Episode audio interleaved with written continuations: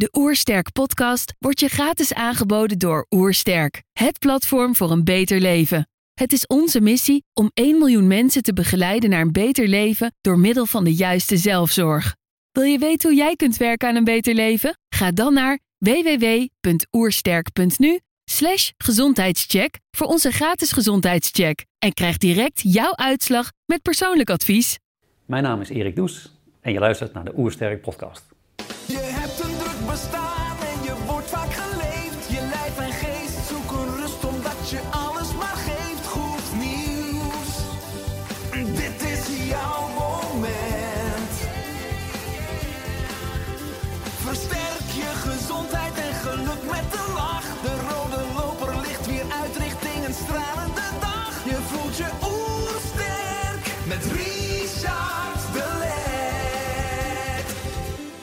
We zijn hier in Heemskerk voor een podcast met Erik Does. Erik is CEO van Verschoothandel Udea en moederbedrijf van de biologische supermarktketen Ecoplaza. Ik ben benieuwd naar zijn tips voor een beter leven. Trouwens, geniet je van onze podcast? Abonneer je dan en laat een reactie of review achter. Zo help je ons om het gezondheidsvirus te verspreiden. Let's start. De Oersterk Podcast. Een ontdekkingstocht naar een beter leven. Erik, welkom. Dankjewel. Eh, het begin, hè? je vader opende een natuurwinkel in in Amsterdam. Eh, dat werd uitgebouwd. Eh, jij kwam in 1990 naar jouw HAO-opleiding in de zaak en je was toen 21 jaar. Nou, inmiddels zitten we in 2020. Als je zo terugkijkt, hoe was dat? Ja, ik ben er eigenlijk gewoon mee begonnen. Hè. Bewondering voor eh, de stappen die mijn vader eh, eh, samen met mijn moeder gedaan heeft. Ik denk eh, enorme risico's. Eh, met een heel stuk minder techniek dan je nu hebt. Ik heb een zoon die over twee weken eh, 23 wordt. Dus inderdaad, ik denk dan, jee man, oké, ik was al volle bak aan de gang. En ik was op dat moment, eh, ik wist eigenlijk niet dat ik ambitieus was. Dat is misschien het meest eh, aparte. Ik was vrij lui op school. En eh, ik dacht altijd, nou ja, goed, als ik een vijf en een half haal, dan is het genoeg. Dan ga ik ook over. En, dan, eh, en zo heb ik eigenlijk mijn hele school gedaan, waarin ik uiteindelijk beter begreep hoe je moest leren. En daar wordt het alleen maar makkelijker van.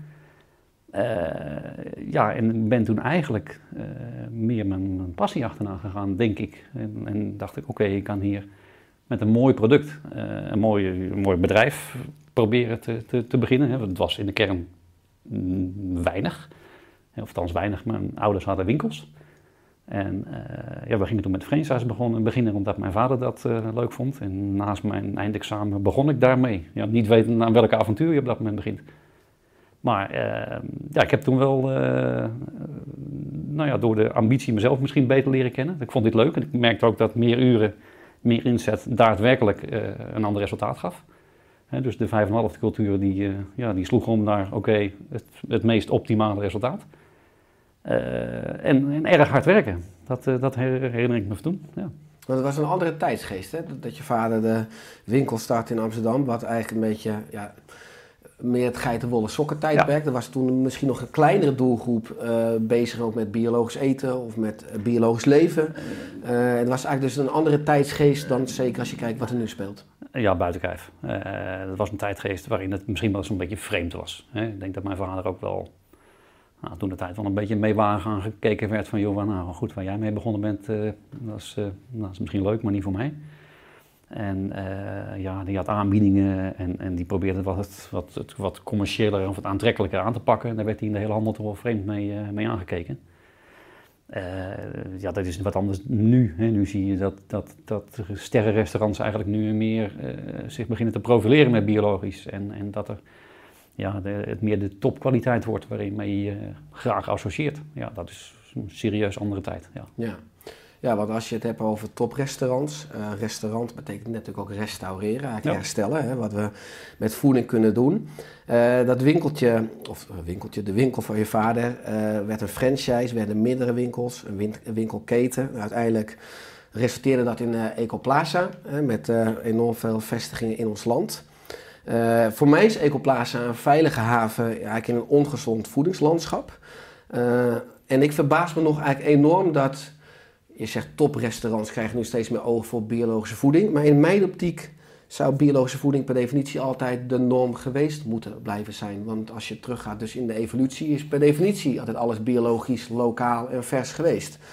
Dus ik vind het enorm fascinerend zeg maar, dat we een keurmerk hebben dan bijvoorbeeld voor biologisch. Eh, dat we geen keurmerken hebben voor pesticiden. In ieder geval allemaal gifstoffen die we dus op niet-biologische Ja. voeding hebben. Eh, een lange introductie, maar eh, ja, hoe kijk jij daar zelf naar? Dus naar de plek van Ecoplaza, dus in mijn optiek als dus veilige haven in dat, eh, in dat voedingslandschap. Ik denk dat wij daar heel bewust naar, naartoe werken. Eh, dat, dat we ook zeggen, ja, je kunt bij ons eigenlijk onbezorgd winkelen. Geen ja, verrassingen. Als je pa- paprika poeder koopt, dan koop je paprika poeder. Waar veel mensen dan nu misschien zullen zeggen, oké, nou dan zeg ik, kijk eens op de ingrediënten wat je dan misschien regulier denkt te kopen. Ja, zo hoor je eigenlijk heel veel dingen om je heen, waar ik zelf ook nog wel vaak van verrast ben. Dat ik denk van, oké, werkt dat regulier zo? Ik, bedoel, ik ben inderdaad in mijn 21 in deze handel gerold, dus ik, ik heb jammer genoeg soms wel te weinig kennis van hoe het eh, regulier gaat. En, en, en ja, ik ben daar vaak wel door verbaasd. Ik bedoel, toen eh, de eerste franchise-formule wa- heette De Natuurwinkel. En na vijf jaar heb ik ook wel gezegd, een boekje geschreven, na vijf jaar bestaan. En dat was eigenlijk van alternatief naar norm. Nou, dat waren we natuurlijk lang nog niet en dat zijn we nu ook nog niet. Hè, ofschoon nou, ik denk uh, Frans uh, Timmermans nu in ieder geval wel zegt, joh, uh, nou gaan we serieus met, met bio aan de gang naar 25% Ja, dus ik, ik voel me wel een heel stuk prettiger bij de, bij de huidige situatie. En ik merk ook wel dat mensen ook steeds, mm, ja, steeds of anders naar je kijken. Ik denk ook dat wij natuurlijk als, als, als bedrijf nu uh, 85 vestigingen denk ik op dit moment. We willen straks nog naar België. En ja, dat geeft denk ik voor de buitenwereld wel aan dat je wat, wat meer serieus bent. Daarmee worden een aantal zaken ook wel makkelijker. Want ja, het is niet meer zo dat je het lachertje bent. Uh, nee, er zijn ook nog wel reguliere partijen die zeggen ja. Eigenlijk, zoals je het voor elkaar hebt, uh, zouden wij ook wel willen. Hè? Dat is misschien wel het mooiste wat je als voedingsaanbieder zou willen. ja, dan speelt heel veel geld weer een rol om dan het toch niet te doen. Dat is iets wat ik vind de laatste tijd wel eens een rode draad door, ja, door mijn loopbaan of door mijn bezigheden heen loopt. Hè? Vaak afwegingen voor geld en niet. En ik denk dan wel dat wij vaak andere afwegingen maken. Mm -hmm. En waarin verschillen die afwegingen? Ik denk dat wij uh, een, uiteindelijk een heel groot verschil maken door niet voor winstmaximalisatie te gaan, maar door winstoptimalisatie. Dat wij sommige dingen gewoon doen. Uh, misschien iets naïver, of misschien iets minder zonder een plan, of misschien iets minder zonder een budget. Maar doen omdat wij vinden dat het gewoon goed is. En uh, ja, dat geeft soms ook wel hele leuke uh, projecten. Dat geeft ook wel, denk ik, heel veel vreugde aan onze, uh, aan onze, ja, bij onze medewerkers. En recentelijk vertrokken bij ons een category manager. Dat is iemand die assortimenten zoekt voor inkoopt. En die zei, ja joh, die ging naar een reguliere partij en die zei, hier hebben we het alleen maar over prijs. Dat, is eigenlijk, dat gebeurt bij ons nooit. Nee, wij hebben het over hoe kunnen we samen het product verwaarden. Hoe kunnen we zorgen voor een betere verpakking die minder schade oplevert. En daarna gaan we kijken hoe we het gezamenlijk kunnen verbeteren. En die prijs is uiteindelijk meer een, een, resultante van de samenwerking. En die proberen we zo efficiënt mogelijk te doen. En dan is nu de volgende stap uh, dat we gaan kijken naar true price. En dat is denk ik wel een, een, een nog mooier traject. Hè. Daar, daar, worstelen we zelf ook wat mee. Wat is nou een true price? Oké, als je nou iets koopt biologisch, dan heb je geen... Hier in Noord-Holland, nou ja, met alle bloembollen. Ik, uh, ik hou me wel mijn hart vast over de grondwaterkwaliteit hier. Dan denk ik, zoveel gif. Ja, en de Tata-stiel hier om de hoek. Ja, kunnen we dat allemaal wel uh, rechtbreien of hebben we de normen wat aangepast? En, en, en nou ja, dan is het ook weer goed. Dat vind ik wel eens één. Ja. Ja. ja, want als je het hebt over winstmaximalisatie, dan kan je het hebben over maximale winst, maar dat is niet een optimale balans dat iedereen er sterker van wordt die eraan bijdraagt in de ja. keten. Ja. In plaats van dat iedereen uiteindelijk zeg maar, de, de sterker van wordt. Nou is het natuurlijk wel, waar jij sterker bent, laat ik het zo zeggen, is dat met een geitenwolle sokken mentaliteit had je kunnen zeggen, ik blijf op, de, op dat hoekje zitten in Amsterdam met mijn natuurvoedingswinkel. Ik doe er af en toe iedere week weer een andere aanbieding en ik heb een prima omzet en ik kan ervan leven en het is voldoende. Maar het is toch een ambitie ook met die verandering van die 5,5 mentaliteit om uiteindelijk dus een franchise-keten neer te zetten. Om uiteindelijk meer mensen te bedienen in Nederland en straks ook in België. Je ziet natuurlijk dat de vraag steeds meer toeneemt naar ja. biologisch eten. Ik denk omdat de bewustwording toeneemt Gelukkig over wel. wat er nou echt in ons eten zit. En dat steeds meer mensen schrikken. Ook als je kijkt naar het commerciële belangenveld. Maar ook er bestaan heel veel mythologieën. Je denkt paprika poeder te kopen en je koopt heel iets anders. Ja. Uh, Stichting Foodwatch hè, draagt daar ook bijvoorbeeld zeker aan bij. Ja.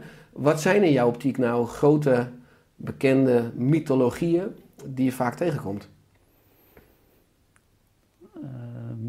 Nou, mythologie is, is dat een lage prijs goed is. Hè, En, en, eh, en mijn collega heeft op een gegeven moment wel eens gezegd, en ik vind dat nog steeds een hele mooie zin in de vorm van, ja, eh, hoe kun je trots zijn op een lage prijs als je weet wat het gevolg is? En ik denk dat, dat eh, hè, die winstmaximalisatie gaat ook over, de, over het algemeen heel erg over de korte termijn. En ja, dan, dan, dan gaat het door ons hele bedrijf heen qua, qua, qua voorbeelden hoe, hoe je daar dan eh, vorm aan moet geven. En je vraagt om een voorbeeld, maar ik kan er wel heel veel verzinnen. Dat ik bijna denk, ja, eh, welk voorbeeld eh, ga, ik, eh, ga ik je geven? Maar die lage prijs en met name de gevolgen. Wij kunnen niet constant blijven roepen van kijk uit, want dan, bij anderen is het zo, zijn dat de gevolgen. Dat is geen leuke boodschap. We willen heel graag meer ja, benadrukken dat het smakelijker is en dat het goed voor je lijf en leden is. En, en de vitaliteit die nu in feite meer aandacht krijgt dan ooit, helpt daar wel enorm bij. Dus eh, dat is denk ik meer een, een traject. eh, ja, ik vind dat een behoorlijke mythe, dat, dat prijs het belangrijkste is eh, voor hetgene wat eh, eigenlijk een supermarkt aanbiedt. Waarbij ik denk, hoe kun je dat nou stellen op het moment dat het, dat het huidige, met name westerse, of het steeds modernere deel van de wereld, via die prijs en via misschien ook subsidies naar de verkeerde voedingsgrondstoffen, ja, zorgt voor een enorme ongezonde gevolgen, een bevolking met heel veel obesitas, eh, suikerziekte en andere ongein die we vroeger met misschien minder eten niet hadden. Ja, want het is heel prikkelend, omdat ik een, een aantal supermarktketens die zeg maar, eh, nou, een slogan hebben van de laagste prijsgarantie. Eh, waar uiteindelijk misschien niet voldoende oog is voor het complete ecosysteem. Hè. In jullie verhaal ook van Ecoplaza hoor ik continu een koppeling tussen voeding en de natuur. Met bijvoorbeeld ook een visie op eh, insecten. En eh, ook zoveel plastic en op kringlopen, op ecosystemen. En ik hoorde je zeggen in een interview dat de ecologie en economie kunnen best samen. Ja, En dan heb je het eigenlijk over die win-win. Ja. Hoe vertaal je dat ook zeg maar, concreet naar jullie uiteindelijk aanpak met Ecoplaza? Nou, ik denk dat wij eh, een, een, een wel proberen hè, met de wetmatigheden van, van, ja, van de euro, om het in ons eh, deel van deze wereld maar eh, zo te maken, daar een zo goed mogelijk overweging in te brengen. Hè. En ik denk dat, dat wij gelukkig kennelijk een voldoende meerwaarde brengen of voldoende duidelijk zijn, waardoor we succesvol kunnen zijn. Hè. Anderzijds schuwen wij zeker niet de, de, de nieuwe technieken. Hè. Wij gaan waarschijnlijk over een paar weken, jammer dat ik daar niks kan van laten zien, maar eh, live met een nieuw krattenmagazijn in onze groothandel. Dus wij investeren een enorm bedrag in een efficiëntere eh, operatie. Om te zorgen dat we uiteindelijk die producten zo goed mogelijk, zo efficiënt mogelijk bij onze winkels, bij onze afnemers kunnen, kunnen krijgen. Dus het is wel aan de ene kant eh, heel erg veel zorg voor, voor de natuur en, en op een normale manier, ik zou bijna zeggen op een gewone menselijke manier zaken doen. En aan de andere kant wel proberen met eh, de meest moderne IT eh, te zorgen dat je die klant verleidt. Eh, Ik, ik, hoop eind van het jaar, dan gaan we ons, ons uiterste best voor doen, ook een fantastisch omnichannel te hebben. Dat je bij ons online kan kopen, offline kan kopen, als één klant behandeld wordt. Met, met alle ontzorging daarbij. Ja, dat is Ja. wel een doel. Ja, wat, wat je eerder noemt is, een, wat is de true prijs, de Ja. echte prijs. Nou, je zegt, er is nu enorm veel, tenminste, je zegt, ik zeg, ik zie, er is heel, enorm veel ongezond, eh, suikerrijk, maar ook bewerkt voedsel voor, nou ja, voor, voor eigenlijk enorm goedkoop. Ja.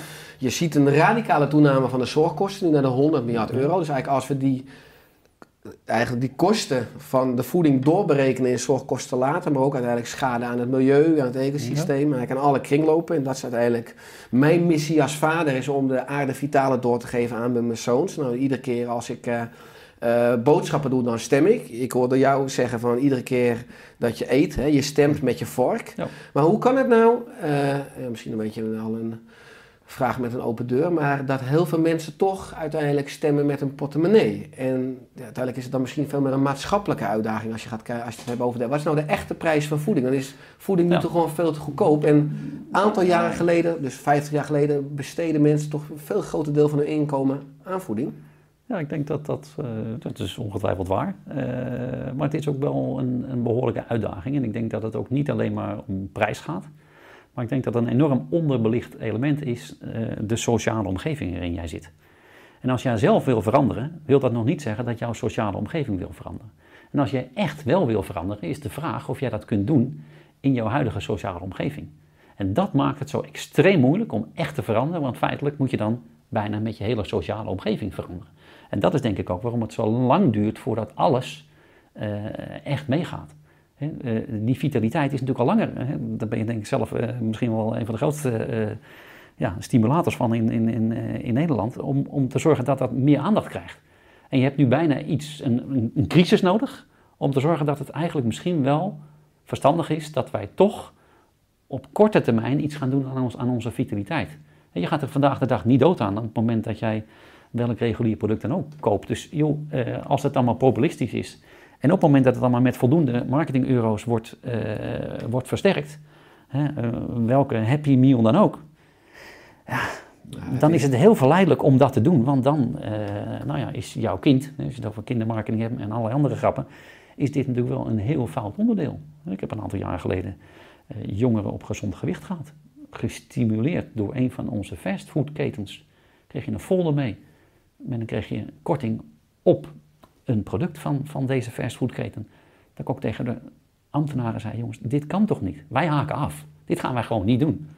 Dus wat voor voordeel dit ook is, of we gaan het goed doen, ja, of we gaan het niet doen. Maar als jullie dan weer voor het geld gaan, en ja, soms is dan wel dat geld weer heel belangrijk, jammer genoeg. Ja, dus dan zie je eigenlijk de missie en de commerciële be- belangen door elkaar heen lopen. Wat je bijvoorbeeld ook ziet bij een Olympische Spelen of een WK, EK, zie je Coca-Cola's en de Ja. McDonald's inderdaad. En de, Ja, ja en, en nou, ik denk ook dat je dan, eh, ja, aan, aan al die dingen ga je, eh, ja, zeker niet meteen dood. Maar ja, je wordt er misschien wel wat dikker van, waarvan je niet precies begrijpt waarin dat gebeurt. Hè. In, in Amerika lees je wel eens dat dat hele glazuur van die tanden met drie liter cola per dag wel zwaar aangetast is. Ja, dat is eigenlijk natuurlijk heel logisch. Maar als je maar voldoende budgetten er tegenover zet en voldoende wetenschappers eh, eh, laat ondertekenen dat ze niet alles mogen publiceren en alleen datgene wat jij wel gevalt, ja, dan, dan kun je natuurlijk uiteindelijk wetenschappelijk onderbouwd hele mooie dingen zeggen. Ja, dat is iets wat wij als, als mensen niet, eh, denk ik, voldoende beseffen. En ik denk ook dat je als burger dat, nou, het is ook best wel slecht dat je misschien achterdochtiger moet zijn dan, dan nodig. Ja. ja. Ja, want je ziet dat eh, heel veel mensen vaak het eerst aanklikken op biologisch eten. Tenminste, voor het eerst gaan nadenken over eten. Er komen steeds meer eh docu's ook uit over eigenlijk ook allerlei misschien schandalen dan, laat ik het zo zeggen, in de voedingsindustrie. Hoe we met onze dieren omgaan. Of dat in dat potje paprikapoeder helemaal geen paprikapoeder zit. Hè. We worden enorm voor het lapje, voor de gek gehouden. Vaak als mensen met voeding bezig zijn, gaat er ineens een wereld open van hey verrek. Als ik s'morgens douche en wat doe ik eigenlijk in mijn haren, wat smeer ik op mijn huid, dat wordt ook opgenomen. Hè. We Ja. zijn een levend systeem. Nou, in de Ecoplaza heb je producten natuurlijk van je bord tot je badkamer. Hè. Eigenlijk als je het hebt over biologisch leven. Eh, merken jullie ook dat zeg maar, dus de interesse voor biologisch leven enorm aan het toenemen is? Ja, ik denk wel dat men steeds meer begrijpt wat een zeg maar, meer gestonde levensstijl is. We hebben ooit eh, Ecotown eh, gehad, ik geloof in 2014. Dat was een droom van mij, gewoon leuk, jongen, we gaan het gewoon doen. En, en we gaan daar een, een gezondheidsfestival neerzetten. Ik denk dat het een aantal keer een navolging gehad heeft. Voor ons een vrij duur feestje, dus ons bedrijfje vond dat daarna niet zo'n goed idee. Ik zelf met name vond het niet meer verantwoord om zoiets, eigenlijk zoiets moois neer te zetten. Maar je bedoelt, er was een festival in het Amsterdamse bos. Ja. Fantastisch weer toen, zonnig. Ik heb ook Eh, spreken. ja, met, met voedsel voor je maag, voor je geest, Ja. eh, voor je lichaam, voor, eigenlijk voor, eh, nou ja, voor alles voor een gezonde leefstijl. Ja, maar je bedoelt als, je, als jouw commerciële kant daarna ging ke- kijken, zei van ja, dat is uiteindelijk niet duurzaam genoeg om dat te herhalen. Nee, ik denk dat, ja, dan moet je wel uitkijken dat het niet te veel een feestje wordt van Erik, ja dit is fantastisch, maar leuk. Hè, is me nog wel Maar vaker- lees, daar hebben jullie veel geld op moeten toeleggen. Ja, daar hebben we heel veel geld op moeten Ja. toeleggen. Ja, Ja. dat was, wij moesten ook letterlijk alles doen. En ja, dat was een zekere naïviteit. Hè? Dus zonder meer dat ik daar zelf eh, eh, het vervelende voorbeeld van de naïviteit aan ben. Mhm. Maar ik vond dat gewoon zo gaaf om te doen dat ik zoiets had van ja, we gaan dit gewoon doen. Dit moeten mensen ervaren, dit moeten mensen weten, dit moeten mensen letterlijk beleven. En, en, en dat zijn wel denk ik de leuke dingen van, van, nou, van het bedrijf wat we hebben, van, de, van het duurzame pad wat we lopen. Ja. Ja, mooi. Dat is fantastisch. Je hebt over Ecotown, maar ook dat je vaak op andere gebieden voorloopt. In maart 2018 openden jullie je eerste plasticvrije supermarkt ter wereld. Eh, ook de meest gifvrije supermarkt. Eh, je kreeg toen uitnodigingen voor interviews en congressen uit de hele wereld. Hoe was dat? Dat ineens heel veel Ja, partijen en media wat van je willen Ja, weten ik moet zeggen, dat, dat was leerzaam, laat ik het zo stellen. Toen wij met de plastic begonnen, toen, toen ja, dat, eh, wij werken samen met de Plastic Soup Foundation, dus eh, Maria, die eh, directeur, die eh, oprichter, die, die belde me op. Joh, wil je iets met een plastic-free winkel doen? En eh, nou, ik zei, joh, eh, leuk, dat gaan we proberen. Laat ons maar tegen die lat aan. En als we kunnen verbeteren, dan gaan we het gewoon doen. Ik wist ook niet precies waar we toen zaten, maar ik vond het een goed schema. Ik dacht, ja, wij moeten dit gewoon kunnen. Dus joh, eh, en als we het niet kunnen, dan gaan we het kunnen. Hè, dus eh, waarop de, de Engelsen die het wilden, eh, wilden eh, lanceren, die plastic-free logo ook eh, zeg maar, proberen wereldwijd weg te zetten. Die waren stom verbaasd, want die zochten al een half jaar naar een supermarkt die dit wilde. En niemand wilde zeg maar, zich tegen het lat aangelegd hebben. En dus ja, ik, vond dat op zich gewoon weer een beetje naïef en, en, en een beetje vreemd. Ik dacht, joh, we gaan dit gewoon doen en we gaan laten zien hoe het beter kan. En ik, ik heb toen wel de, hele wereldpers over me heen gehad. En eh, dat was best wel extreem heftig, eh, stressvol. Eh, omdat ik toen ook wel gemerkt heb dat NGO's het onderling soms niet helemaal eens zijn. En ook wel bereid zijn om dan jou de kop van jut te laten zijn. En dat was echt het eerste moment dat wij extreem veel publiciteit kregen. In Nederland viel het wel mee, maar wereldwijd was het, zeker in de westerse wereld, gigantisch. Dus je moet dan denken aan, aan de BBC, waren we na het weer het eerste onderwerp. Sky, eh, eh, de, de, de New York Times, Washington Post, eh, Al Jazeera, het maakt niet uit. Een serieuze hoeveelheid aan, aan publiciteit die we kregen, omdat plastic natuurlijk een wereldwijd probleem is. En daar moeten we echt iets aan doen. Dat is nog steeds een onderdeel van onze missie. We hebben laatst ook weer een situatie gehad van Erik, weet je wel wat het meer kost? Ja, we hadden ook wel broodzakjes, dan verkochten we het weer per stuk, koekjes stuk. Nou, ik zeg prima, ik zeg, dan gaan we door, dan stoppen we twee koekjes in en dan gaan we die consument uitleggen wat het dan kost. Dan hebben we de helft van de verpakking, hè, dan kost het de helft als je er twee keer zoveel in doet. En toen zijn we op die manier weer verder gegaan. Maar ik wil liever dan niet afwijken van, van ik denk, de mooie koers die we hebben, waarbij ik wel denk van ja, wij moeten zorgen voor betere verpakkingen, minder plastic verpakkingen, want als je af en toe ziet wat het ja, in de wereld aan, aan schade brengt, ja, eh, dat, dat, dat is gigantisch. Hè. En, en ik moet zeggen, daar kan ik ook wel van genieten dat we een bedrijf hebben, of eh, nou, dat we gezamenlijk eh, het erover eens zijn dat wij als bedrijf dit soort dingen gewoon doen. En eh, ja, niet weten dat dit zou gebeuren. Rondom gifvrij hebben we enorm meegemaakt dat, dat, dat het een ongelooflijk gevoelig onderwerp was. Recentelijk zien we natuurlijk dat Bayer nu behoorlijke, richting de 10 miljard, schadevergoedingen betaalt. Fantastisch. Hè? Ze, bekennen geen schuld, en, et cetera. En er zijn natuurlijk wetenschappelijk onderzoeken genoeg die zeggen, joh, het doet helemaal niks. En dan denk ik weer, nou, oké, als jij opdrachtgever bent, wat laat je dan zien? Er zijn gelukkig ook voldoende wetenschappelijk bewijzen dat het wel degelijk heel veel schade doet. Hè. Eh, ik denk dat eh, als je ziet wat er gebeurt met, met meer kanker, als je ziet wat er gebeurt met Alzheimer, eh, als je, of Alzheimer, in ieder geval ook autisme. Ik zeg wel eens, joh, ik denk 15 jaar geleden wist bijna niemand wat autisme was. En nu kennen we allemaal wel iemand. Ja, uiteindelijk zijn dat wel, eh, laat ik het anders stellen, er zijn voldoende wetenschappelijk bewijs die zeggen, jongens, dat zijn vrij eh, eh, letterlijke bewijzen. Hè, eh, Henk Tennekes eh, heeft dat recentelijk ook nog wederom. Jongens, ik dreig nu echt gelijk te krijgen. Een wiskundige en een man die heel veel verstand hiervan heeft. Ja, eh, jammer genoeg dat het heel moeizaam door die, ik denk, financiële eh, wereld heen komt. Want er zitten gigantische belangen bij. En als burger beseffen we dat onvoldoende. Ja, ik denk En dat... dan wordt die prijs van dat product weer leidend, omdat we al die andere dingen niet op heel korte termijn echt beseffen. Ja, tenzij er nu plotseling misschien wel een virus is waarbij we dan iets meer aan vitaliteit gaan denken. Ja, het coronavirus laat natuurlijk ook zien eigenlijk dat we een vitaliteitscrisis hebben, dat we ook een duurzaamheidscrisis hebben in het hele ecosysteem op de aarde. En Maar mooi dat jullie trouw blijven aan je koers. Eh, het is eigenlijk ook heel logisch als je natuurlijk kijkt. Eigenlijk is de pest die gifstoffen geen kleurtje hebben of zo. Hè? Dat, ieder dat zou makkelijker we- zijn. Dat we ze Ja. niet kunnen zien, dan zou je ze gelijk... Ja. Want uiteindelijk wil iedereen het beste voor zijn lijf, wil het beste voor zijn kinderen. Eh, krijgen we toch bewust, onbewust ook al wat je zegt, eet je biologisch, bij spreken zure regen of als je in de verkeerde streek woont, krijgen we gifstoffen binnen. Trouwens vind ik het enorm schokkend dat als je sommige publicaties laten zien dat in het navelstrengbloed van een foetus en ongeboren kind al ruim 100 gifstoffen gevonden worden. Dus dat is uiteindelijk zorgelijk hoe, we, eh, hoe we als mensheid bezig zijn. Eh, maar wat je vertelde over die wereldwijde aandacht in de media, dat je niet alleen maar geprezen werd, maar soms ook tegenkracht ervaren. Wat is nou de belangrijkste les of inzicht toch eh, wat je uit die periode hebt gehaald? Wat weer hebt geleid als Nou groei, ja, als mens, ik- als ondernemer? Ja, dat op sommige vlekken misschien iets minder naïef moet zijn. We zijn als Ecoplaza denk ik een partij die, die onder een enorm vergrootglas ligt.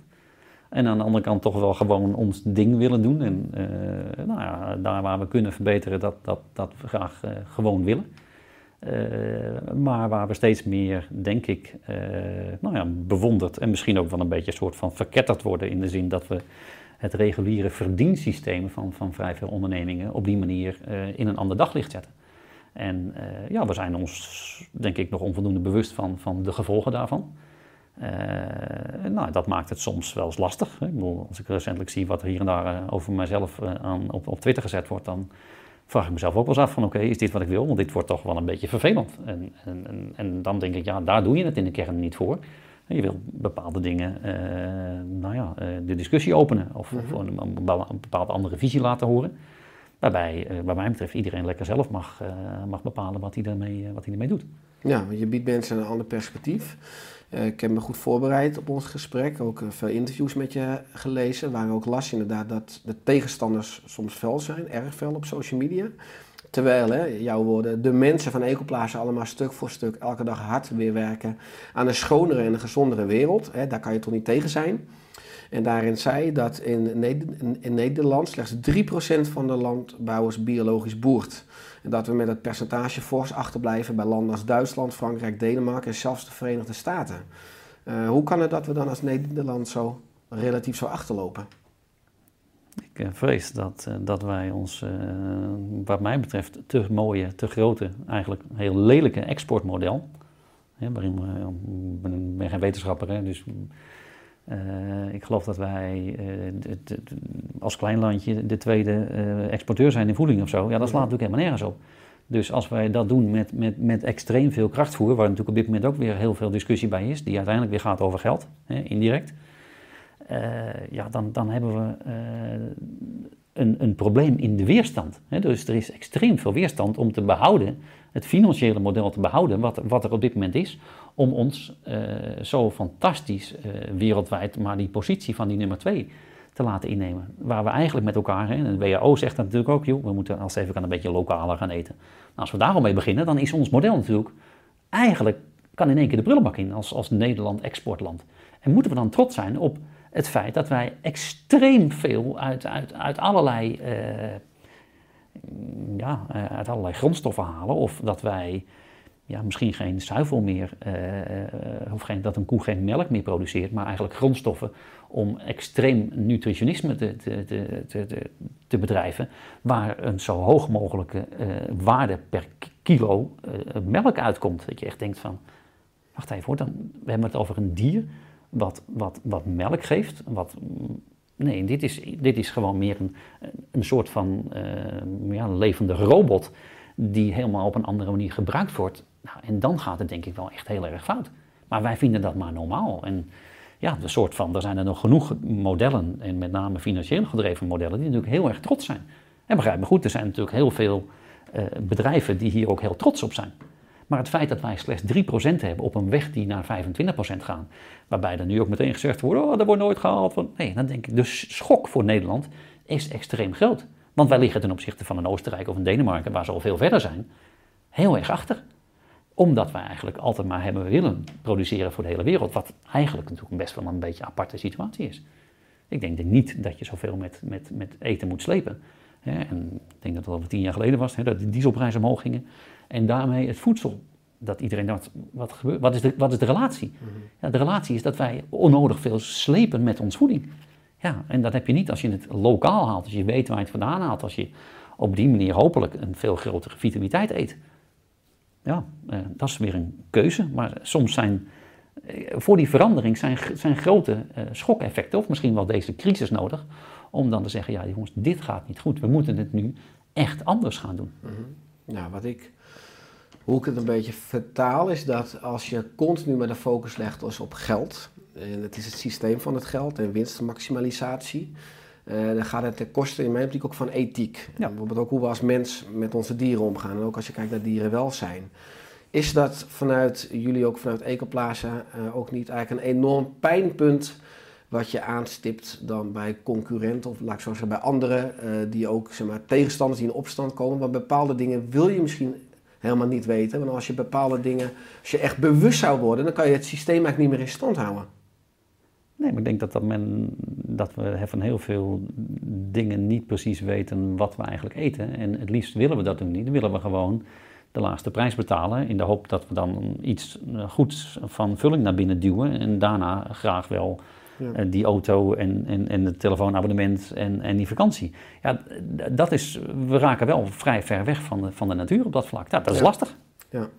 ja, ik verbaas me trouwens nog steeds qua kippen, varkens, eh, koeien. eh, maar ook als je kijkt naar reclames op de televisie in de folders van nou, de Lidl, de Aldi, de Albert Heijn, de Jumbo, eh, de Foma. eh, De, in ieder geval dat het allemaal nog steeds maar, voor 2,99 dat je een kilo barbecuevlees kan kopen of zo. Ik, we hebben een aantal jaren hebben we daar dat, dat supermarkt zei, dan gaan we dus niet meer vlees als product. We gaan het veel meer als dieren zien. Maar voor mij zijn we daar... Nou ja, aan de dat- ene kant zie ik het weer overal terugkomen. Ja, maar dat is ook heel lastig, want uiteindelijk wordt die inkoper wel afgerekend op, op zijn marge die die moet halen.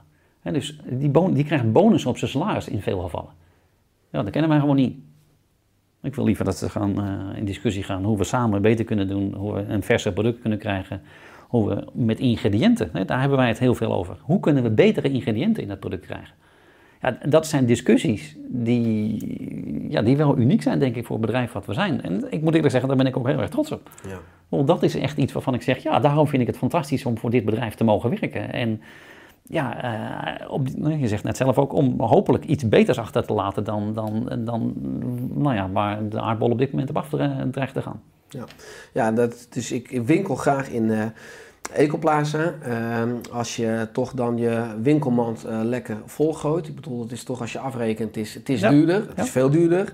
Eh, dat hoor je toch ook vaak terug. Ehm, ook als je kijkt puur vanuit een modaal inkomen. En dan kunnen we het gaan hebben over de echte prijs. Ik zit al jaren van, ook politiek, van laten we nou, maar dat is ook eh, nou subsidie doen bijvoorbeeld op biologische groenten, van wat mij betreft op biologische voeding. En belastingen bijvoorbeeld op ongezond of suikerrijk voedsel.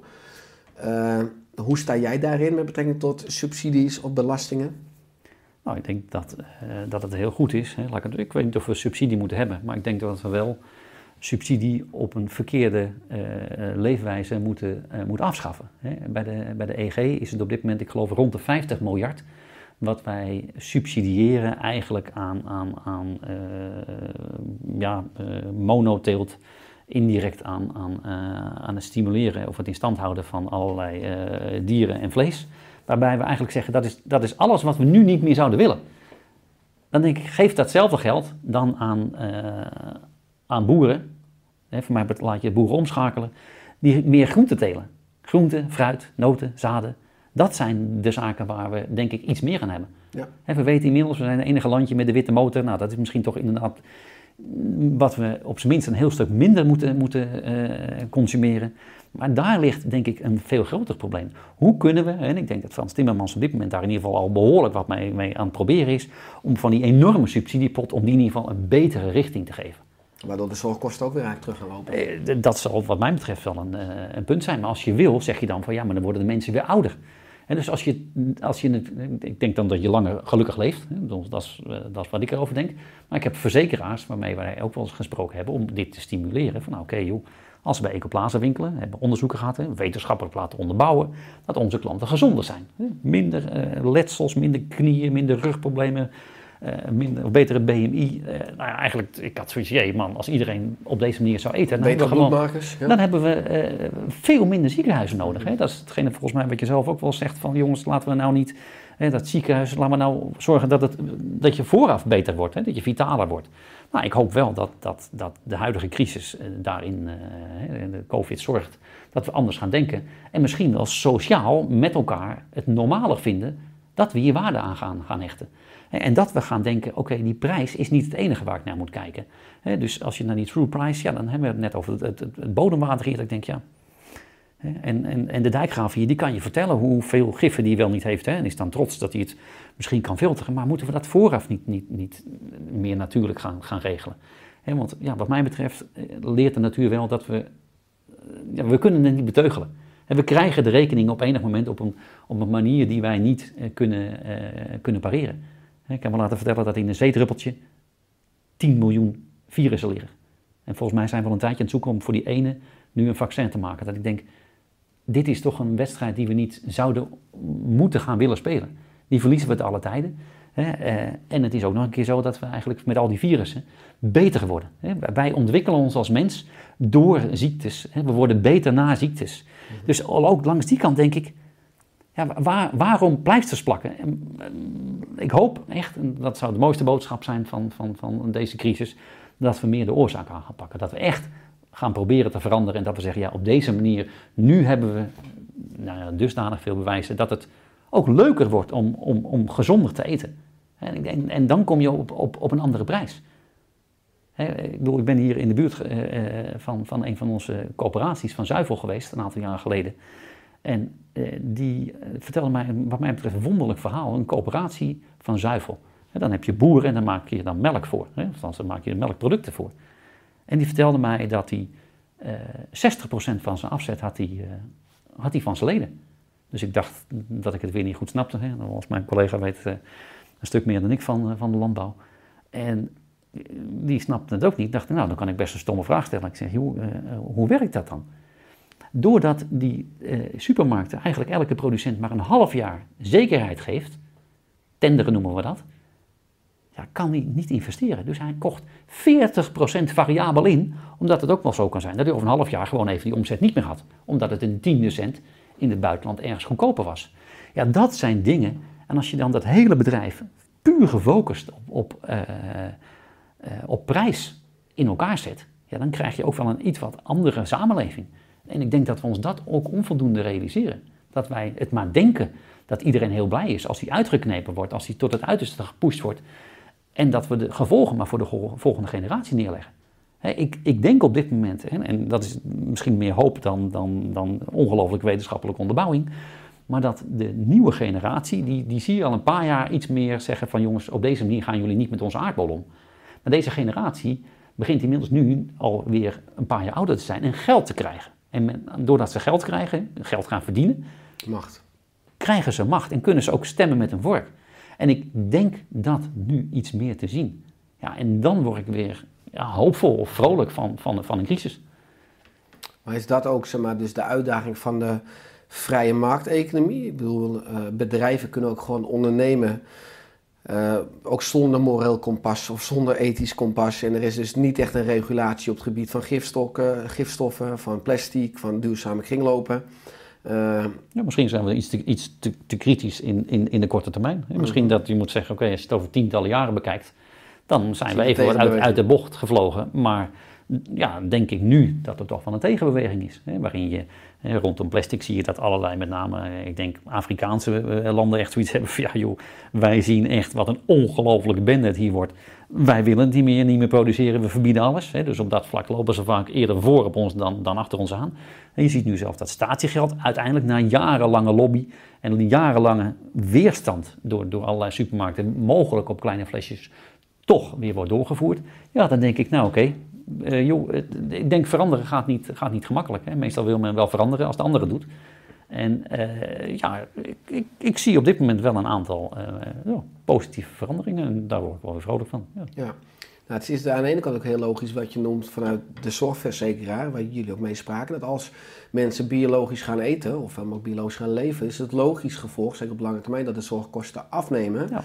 Zou het ook heel prikkelend zijn als we er ook een koppeling aan gaan maken met zorgpremie. Want als je minder geld betaalt aan je zorgpremie, heb je weer meer geld voor biologische voeding, Ja. biologische, een biologische leefstijl in kaart houden. De andere kant is een beetje, omdat het er nu, niet is, dat er vaak ook soms met oorsterk, we bereiken honderdduizenden mensen. Ik weet zeker dat we nou, voor in ieder geval tonnen, maar miljoenen per jaar minder zorgkosten hebben. Alleen wij zien er niets van terug. Dus wij moeten blijven pionieren. Dat is ook niet eerlijk aan het systeem. Bijvoorbeeld als jij, jullie met Ecopass heel veel zouden investeren in jullie concept, in jullie marketing, in jullie branding, dan leidt dat tot veel minder zorgkosten. Alleen Ja. dat zien jullie niet direct terug van heel goed, hier heb je ook wat, wat miljoen voor je, voor je Eh, branding. eh, nee, sterker nog, vaak hebben wij minder lobby en zijn we, weten we niet zo goed de subsidies te vinden. Dus de subsidies gaan in die zin nog, wat mij andere betreft, op, ja. de andere kant op. Ja, dat is, nou ja, goed, een soort van dat slot. En, Ik denk alleen maar, dan moeten wij leren en dan moeten we kijken hoe we daar wat, eh, nou ja, wat misschien nog beter of handiger kunnen doen of meer in de picture kunnen komen. Eh, op dit moment zijn we ook aan het kijken hoe we met, eh, met de Green Deal, met een aantal collega's in, in het buitenland ook gezamenlijk nog iets meer nou ja, omzet bij elkaar kunnen rapen om aan te geven aan Europa. Ook van jongens, hè, we, we doen het toe. Hè. We zijn niet meer het winkeltje op de hoek. Hè. We zijn bij elkaar, ik denk snel een paar miljard groot. Ja, dus laten we dan proberen eh, daar de voortrekkersrol op, eh, op te maken. En ik heb de illusie dat ook de EG daar eh, ja, dat graag ziet. Dat, dat, dat wij misschien wat de kastanjes uit het vuur halen en nou ja, bewijzen dat het daadwerkelijk anders kan. Hè, dat, dat, dat hele traject rondom, de- vanaf die 3% na meer.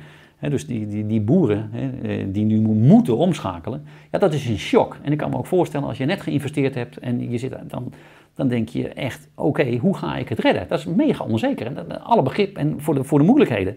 En de andere kant is wel dat je ook kunt denken, oké, had je niet misschien iets meer moeten opletten dat er een andere tendens aan de gang is? En was het nog wel in deze tijd zo'n goede investering? Kijk, de verantwoord- verantwoording voor die keuze legt de supermarkt volledig bij die boer. En die boer kan dan zeggen, ja, maar jullie hebben het aan mij gevraagd. En, en, en nu ben ik dan degene met een hele hoge lening en hoe ga ik dit doen? Terechte vraag. Hè? De verantwoording voor de, voor, voor de vraag, die is er regulier over het algemeen niet. Hè? En dat is weer een traject wat, wat die consument onvoldoende ziet. Ja, dan kun je zeggen, ja, dan moet je het meer vertellen. Nou, ik vind al dat wij eh, heel veel vertellen. Ja, ook in, in, in ons blad lekker weten. Hè, daar sta je zelf ook wel eens in. Met, met een, ja, dat wil niet zeggen dat daarna iedereen eh, om is, iedereen het begrepen heeft, eh, hè, of iedereen het met je eens is. Eh, ja, en dat is ook een vrije wereld, denk ik, om, om gelukkig je eigen keuze te maken. Ja. ja, als je kijkt ook dus de verandering van tijdsgeest, hè, vanaf de opening van de eerste winkel van, van je vader. Toen was het misschien meer voor geitenwolle sokkenfiguren. Nu zie je het ook zeker in, in grotere steden echt bijna de hipsters. Ja. Mensen die willen biologisch, mensen zijn bewust bezig ook met voeding, maar ook met de aarde. hè. Of ze nou vegan zijn of vegetarisch. Maar mensen gaan anders vragen, gaan stemmen met, met een vork. We zijn er ook trots op. Hè? Ik denk dat dat Ja, ook wel... Die, laat dat- het ook zien. Laat het zien. Dat is, dat is, dat een hele, media, ja. hele mooie beweging. Spreek het uit. Eh, is het uiteindelijk ook zeg maar, een missie van Ecoplaza om uiteindelijk 20% van de Nederlanders eh, dat die bij Ecoplaza boodschappen doet? Of, of is dat ook in cijfers? eh?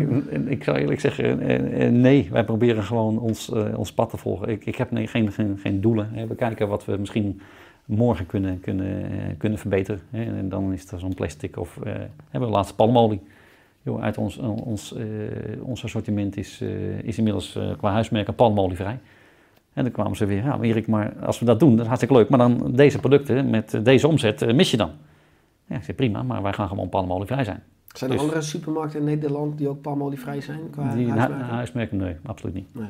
Ja, dus daar, dus de Ja, maar dat is weer een keuze tussen, tussen de geld of niet. Ik zeg, ja, maar dat, dat laatste, het, het interesseert me niet. Wij moeten gewoon zorgen dat wij eh, het beste wat wij kunnen eh, bieden. en dat we ook kun- laten zien dat je het zonder palmolie kan, kan, kan doen. Ik denk dat je meer naar, die, naar een biodiversiteit moet. Dus je hoort me niet zeggen dat je overal palmolie uit moet halen. Om weer even enige nuance aan te brengen. Maar ik ben er wel trots op om te laten zien dat het ook gewoon zonder kan. Hè, want zoals er nu ja, dan toch wel eh, nou ja, met, met, met alle oogsten en, en, en teelten wordt omgegaan. Nou ja, daar is wel ruimte voor verbetering. Laat ik het maar zacht uitdrukken. ja. ja, dus daar ligt een belangrijke taak voor, voor jullie om die consument ook bewust te maken. Van letterlijk dat je in een heel ander ecosysteem loopt als je bij jullie boodschappen Ja. doet dan als je bij spreken in een andere supermarkt hè, je boodschappen doet. hè. Nou, bij ons kom je al binnen bij groente.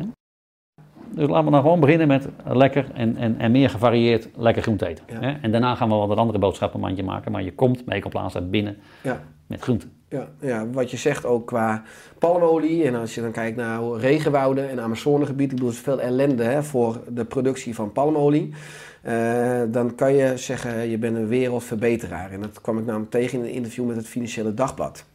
Eh werd je zo genoemd. Voel je jezelf ook zo? Nee, dat vond ik meer. ik, ik, ik denk dat wij eh, gewoon proberen een, een, een bijdrage te leveren en, en aan, aan datgene waarvan wij geloven dat het een, een betere wereld achterlaat. Ja. En, Maar dat is na- natuurlijk, want dat, je benoemt het wel. Ik zie het ook zo, dat al die aspecten, als je kijkt naar plastic, als je kijkt naar gifstof, als je kijkt naar palmolie, dat je de wereld letterlijk beter maakt. En ook wel eens beter aan je, aan je ja, wat anderen daar dan misschien van vinden, maar ik, ik, je zult mij dat niet horen zeggen. Nee, ik, nee, ik, dat ik- zijn anderen. Eh, Dat laat ik absoluut aan anderen. Ik vind dat, nee, wij proberen goed te doen en we proberen het zo goed mogelijk te doen met de kennis die we hebben vandaag. En als morgen beter kan, dan denk ik dat we absoluut gaan kijken hoe we dat dan gaan doen. Ja. Eh, en dat is waar ik plezier in heb. En ik, ik, ik, heb er niet zo heel veel mee of mensen daar dan mij dit vinden of dat vinden. Dat, Nou, dat doe je ook goed. Die bescheidenheid. Als je kijkt vanuit je ondernemerschap. Hè. Sommige projecten lukken, succesvol, dat zien mensen. Andere projecten falen. Eh, je houdt van duurzaam zaken doen. Je noemde bijvoorbeeld al EcoTown, wat eenmalig is. Nou zijn er misschien nog andere dingen ook mislukt. Eh, waar baal je het meest van dat is mislukt? Wat toen nog niet rijp was voor de tijdsgeest. Oh, Ecotown is wel een gevoelig puntje. Ik vond dat echt wel een... eh, Het was een festival, dus ook met, eigenlijk met lezingen, met workshops, met artiesten, met eh, barretjes. En waar je eigenlijk Ja, maar kijk, ik denk wel dat het, als je dan zegt, joh, wat, zou- wat zou je nou wel willen? Wat is misschien, dan, nou, Ecotown was wel een, een behoorlijk, eh, die stond wel in de, in de top drie van dromen. En ik ben ook wel super trots eh, dat we dat samen hebben kunnen doen. En dat we hebben kunnen laten, eh, nou, mensen hebben dat kunnen hebben laten beleven. Maar ik, ik, ik hoop in feite dat, dat Ecoplaza een beweging wordt. Dus meer dat je zegt, joh, dit is, eh, als je ziet hoe moeilijk het is om sociaal, ja, zeg maar, uit- misschien wel uit je omgeving te moeten stappen, of deels uit je omgeving te moeten stappen, dan hoop ik dat wij zekerheid genoeg bieden om het alsnog te doen. En dat is misschien wel een, een, een, ja, een, een hoger doel, wat, wat er ergens altijd wel zweeft. Hè, van mensen mee te nemen op het pad van duurzaamheid. Ja, dus om die sociale norm te doorbreken. Ja, om, om, om er nog meer mensen trots te krijgen dat ze inderdaad zeggen: joh, ik, ik, ik zorg voor een vitale wereld. Voor mezelf, voor de, voor, de, voor, voor de natuur, voor het milieu, voor de toekomstige generatie. En daar ben ik trots op. En daar geef ik een, een, een deel van mijn boodschap uit. En, hè, en ik, ik denk ook letterlijk dat die nieuwe auto straks, hè, over, nou, voor het gemak over 20 jaar, doet die echt niet meer zoveel. Dan rijdt hij waarschijnlijk ook elektrisch eh, en überhaupt zelf. En dan is dat statussymbool dus weg. Dus ik ga ervan uit dat dat statusverhaal anders wordt. En dat we daarmee gaan zeggen, oké, wat, wat gaan we nou uiteindelijk echt belangrijk vinden? Dan denk ik dat we echt belangrijk gaan vinden dat wij op een gelukkige manier de aardbol naar een volgende generatie over, eh, overdragen. En ik denk dat we daar dan ook misschien wel weer een iets ander uitgavenpatroon gaan krijgen. Ten gunste van een wat langere termijn eh, beheer van onze aarde. Ja, dat wordt misschien dus wel een sociale norm dat we elkaar ook steeds meer gaan aanspreken. Of misschien de andere kant ook wel wat meer gaan afrekenen op de keuzes die we maken. Omdat we met z'n allen die verantwoordelijkheid hebben over die aarde. Ja, maar ik denk, en ik, ik, heb die, ik heb ook daar wel hoop op. Hè. Wij zijn op dit moment ook met, onze IT bezig om te kijken hoe we, hoe we die transparantie verder kunnen, kunnen maken. Hè. En binnen, binnen, binnen True Price eh zijn onze kwaliteitsmanager laatst, ja, van joh, daar zijn we ook toch aan het kijken hoe wij met onze eh, leverancier van onze, van onze zuivel ook zijn koeien kunnen verwaarden. Dat vond ik echt een fantastisch verhaal. Ik dacht, jee, man, daar heb ik zelf niet eens over nagedacht. Hè, dat, dat, wat, wat zoveel inhoudt als dat je met jouw leverancier die zuivel levert, niet alleen gaat praten over de prijs en de verpakking en de levering en de versheid en de kwaliteit van die zuivel, maar dat je ook gaat praten over, oké, maar wat heb jij nog meer? Oh, je hebt ook nog koeien die die zuiver, zuivel produceren, of die die eh, melk geven. Oké, maar als jij die koeien niet goed kunt verwaarden, wordt die melk weer duurder. En dus we gaan er denk ik heen dat we naar een meer transparante wereld gaan, waarin je in feite laat zien dat je ja, met jouw eh, eh, leveranciers naar een totaalverhaal gaat en eh, zorgt dat je meer in een circulaire economie komt. Nou, dat vind ik echt weer fantastisch. Daar word ik vrolijk van. Dan denk ik, ja, kijk, daarom doe ik wat ik doe.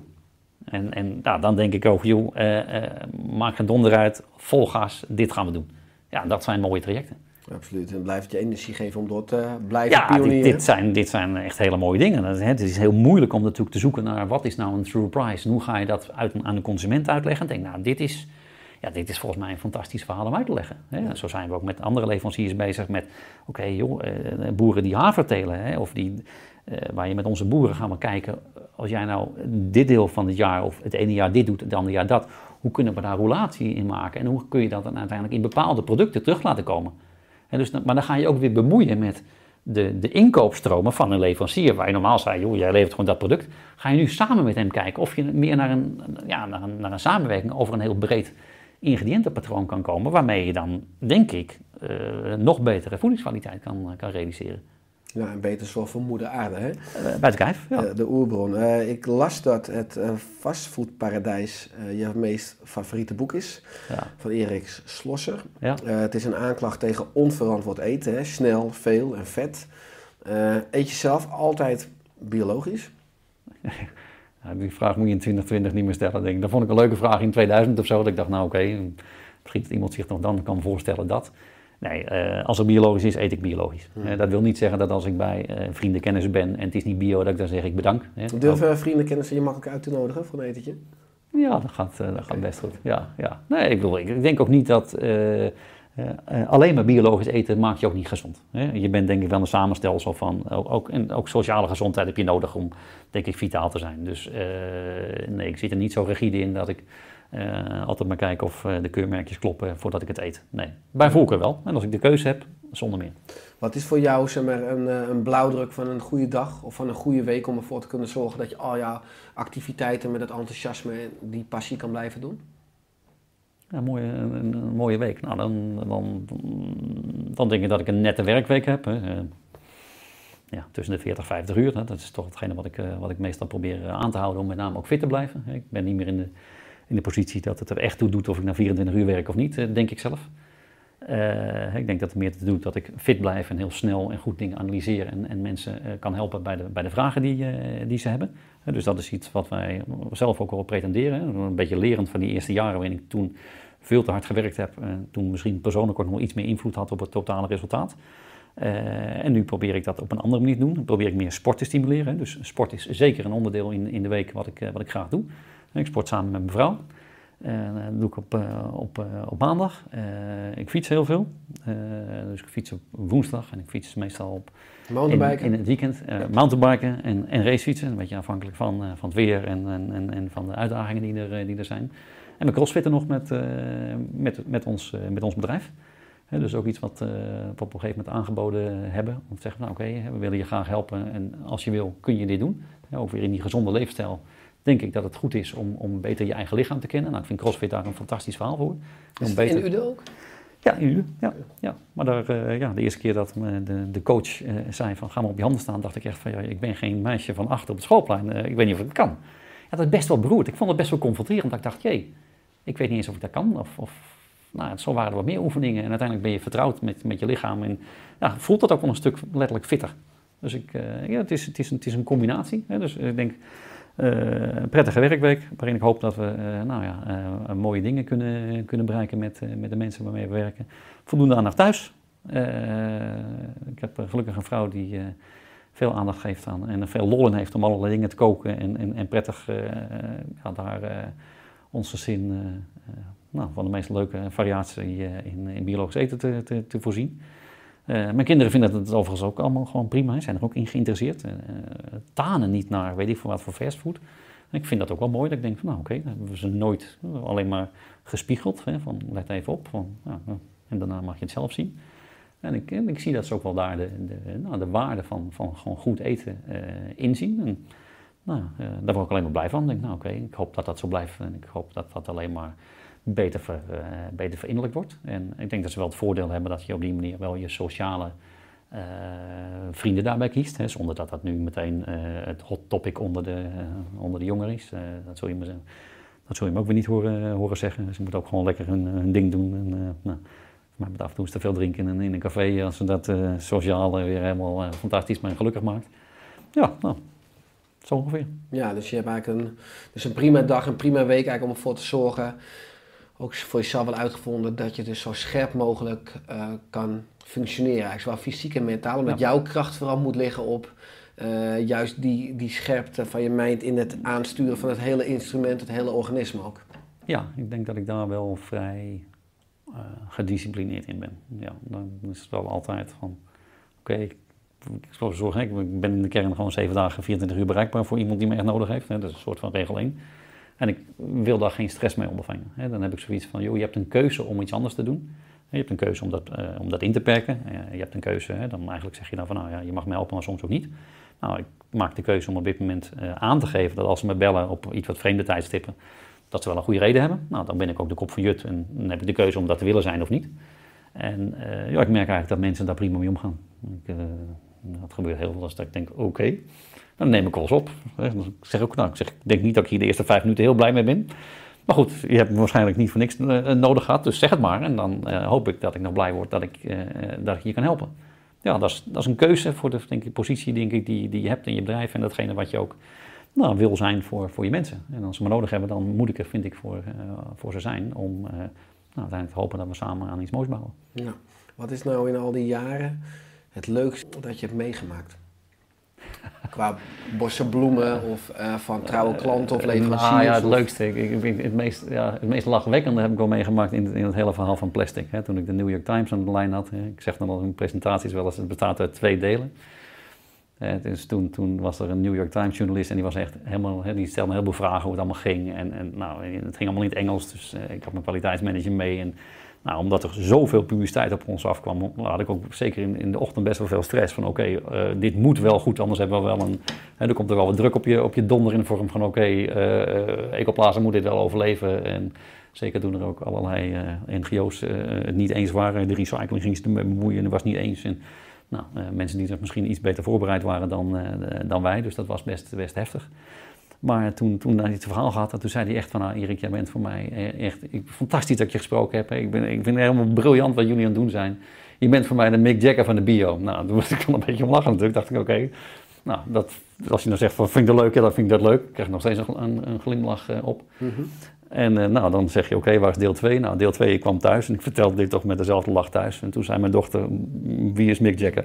Nou goed, hè, dus ook weer een beetje terug in de realiteit. En, Het juiste eh, perspectief, juiste perspectief, eh, ja. Maar Ja. ja, dat, ik, bedoel, ik denk dat het leuk is als je dingen eh, eh, bereikt en, en eh, eh, ja, dat we het een, recentelijk een, een, een palmoliefilmpje van Greenpeace hè, hebben we moeten betalen. Want we worden niet meer gezien als een klein bedrijfje. Dus ja, oké, als we ons melden vinden ze het heel leuk. Maar moeten we ook betalen. Maar dat we dat kunnen en dat we dat, dat soort dingen verbeteren. Nee, ik, ik word vrolijk van, van, van, ja, van meerdere dingen. Ik vind gelukkig eh, veel leuk. Maar op het moment dat we het bedrijf, bedrijf in het voort kunnen duwen op het pad van duurzaamheid, dan, dan, dan vind ik dat mooi. Wat ik zei, of wat je aan het begin zei, we zijn ook in België actief inmiddels. En ik heb er laatst een verhaal gehouden voor, voor onze bedrijfsleiders daar. En die hadden zoiets, ja, jee, wat mooi dat er eigenlijk veel meer achter ons bedrijf zit dan, dan, dan we dachten. Nou, dat vind, dat vind ik een hele mooie, warme complimenten. Denk, ja, joh, maar dat is waarom we anders zijn. En ja, het is soms wel jammer dat je misschien dit niet nog meer kan, eh, naar buiten kan brengen. Eh, aan de andere kant, nogmaals, ik heb niet de ambitie om alleen maar te praten. Dan had ik wel die, eh, al die plastic verhalen gaan, gaan vertellen. En het is wel flyend hoor, om door allerlei mensen gebeld te worden en die je uitnodigen. En, maar toen dacht ik, nee, joh, dat, is, dat, is, dat is niet mijn missie. Mijn missie is meer om toch te zorgen dat het bedrijf wat we hebben, eh, dat eh, van de juiste continuïteit eh, te voorzien. En dat is in de huidige tijd met snelheid en complexiteit al een, al een stevige uitdaging. Maar ja, het is wel mooi dat het alsnog de goede kant op gaat. En Wat is je droom en je missie voor aankomende jaren? Ja, dat, dat is, dat is, die vragen krijg ik vaker. En, en natuurlijk moet je wel eens jaren vooruit denken. Voor aankomend jaar. Van Je hebt al genoemd dat er iets gaat veranderen met betrekking tot Ja, het nou ja, distributiecentrum ik- België. Ja, ik denk dat wij, wij willen eh, eind, eind 21, hè, dus anderhalf jaar, dat is inderdaad wel een, dat is eigenlijk het stipje wat ik op de horen gezet heb, een, een, een, eh, een Benelux-organisatie zijn. Hè. Dan moet Ecoplaza in Nederland en België eh, actief zijn met een, met een hele mooie IT-architectuur, waarin we die consument echt een fantastische, fantastische customer journey kunnen geven. Hè. Dus voordat die koopt, tijdens de koop, na de koop, ontzorgen we hem en, en, en gaan we hem... eh, ja, gaan we, gaan we hem helpen aan, aan, een, aan een gezonde leefstijl. En dat is offline, dus in de winkel, maar ook online als die daar zijn boodschappen doet. Ja, als hij daar zijn boodschappen doet, maar ook in, in het helpen. hè, eh, op het moment dat iemand nu vegetarisch is, herkennen we hem nog niet. Ja, dat is natuurlijk eigenlijk aan deze tijd een vrij groot drama. En dan moet ik natuurlijk eh, weten dat hij uiteraard geen gehakt aangeboden wil hebben, maar liever een vegetarische burger. Of als iemand eh, geen, eh, geen, geen honden of katten heeft, ja, dan moet ik hem ook niet zeggen, joh, wat een fantastische dierenvoeding hebben wij. Nee. Eh, dus ja, ja, meer persoonsge- persoonsgebonden, maar dat ligt allemaal op de roadmap waar we mee bezig zijn. En dat vind ik tegelijkertijd ook weer fantastisch. Hè? Dat ik denk van ja, we hebben echt denk ik een, een heel mooi, het pand waar we nu in zitten, dus is BRIAM Excellent. Hè? We hebben ons ook gewoon duurzaam langs de lat gelegd, geïnvesteerd in dingen die ook bijdragen aan een, aan een prettige leefomgeving van, van de mensen die bij ons werken. Ja, dat zijn wat mij betreft wel no-brainers. Dat was de bouwer die ook zei, maar ja, waarom wil je dit eigenlijk? Ja.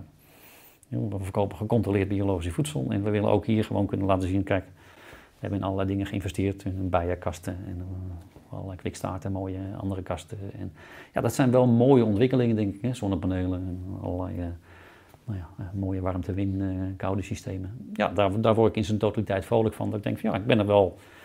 Het maakt me gelukkig, het maakt me blij dat ik eh, voor een bedrijf kan, kan werken wat, wat enige impact kan maken. En wederom naar een, wat mij betreft, prettige toekomst. Ja, dat laat je niet alleen zien in het groot, maar ook op je eigen vierkante meter. Zoveel mogelijk, ja. Ja. Is er aan het einde van de podcast nog iets wat je wilt toevoegen? Nee, joh, ik, eh, ik vind dat je het eh, hartstikke mooi positief in, in, eh, in, je, in je eigen droom aan, doen bent. En, eh, bewondering voor eh, wat, datgene wat je jezelf eh, in de loop der jaren, dus ik denk ik, hoe, hoe lang zal het zijn Richard? Ik denk tien jaar geleden dat we elkaar, eh, nou ja, bijna... 2012 denk eh, ik dat we ja, onze wegen en kruisen. toen hadden we eigenlijk allebei wel, wel een aantal plannen. Nou, ik denk dat we allebei niet precies wisten op dat moment waar het, waar het heen zou gaan. Zouden we samen gaan lunchen in Utrecht volgens mij? Ja. Ja, ja, nou, ik denk wel dat, het- dat, het, eh, ja, dat het mooie is dat, eh, nou, dat we samen eh, toch op ons eigen gebied, eh, denk ik, een heel eh, deel van, van de intenties die we hadden op een goede manier proberen uit te werken. Ja, dus in die zin eh, vind ik het mooi dat je nou, ja, nog steeds op je, op je pad bezig bent. En, eh, Mooi. Waar kunnen mensen meer over jou, maar vooral meer over Ecoplaza vinden? ja, ik denk dat we op de social media aardig, eh, aardig actief zijn. En dat zal zeker niet, eh, niet minder worden hè, op onze website of onze webshop. Of, eh, er zijn wat mensen die zeggen, oh, ik heb geen ecoplaats in de buurt. Ja, goed, joh, dat kan. Eh, je kunt ook eh, online eh. Ecoplaza.nl ecoplaza.nl of in de app. Hè, een app. Ik weet niet of die blijft. Hè. Het gaat waarschijnlijk wel weer naar een eh, web-based app, maar dat is dan weer een ander eh, onderdeel. Maar ja, je kunt in heel Nederland gewoon eh, je producten krijgen als je, dat, eh, als je dat zou willen. En met een stukje automatisering in hoop ik ook weer dat we iets sneller gaan leveren na de, na de bestelling. Dat is op dit moment wel een beetje een klein eh, eh, eh, ja, eh, Uitdaging. Een uitdaging, een verbeterpuntje. Eh, maar goed, ik hoop wel dat we daar de, de, dus de juiste stappen voor zetten om in ons nieuwe, moderne magazijn eh, te zorgen dat we ja, het ook voor de juiste kosten kunnen, kunnen thuisleveren. Mooi. Ja. Dankjewel Erik voor je komst in de Oerstek podcast. En eh, dat, ik vind het mooi dat we samen kunnen bouwen aan een bewustere, een duurzamere en een betere wereld. Dus eh, laten we nog veel mooie bruggen bouwen. Ja, dankjewel. Dank voor de uitnodiging. Dankjewel.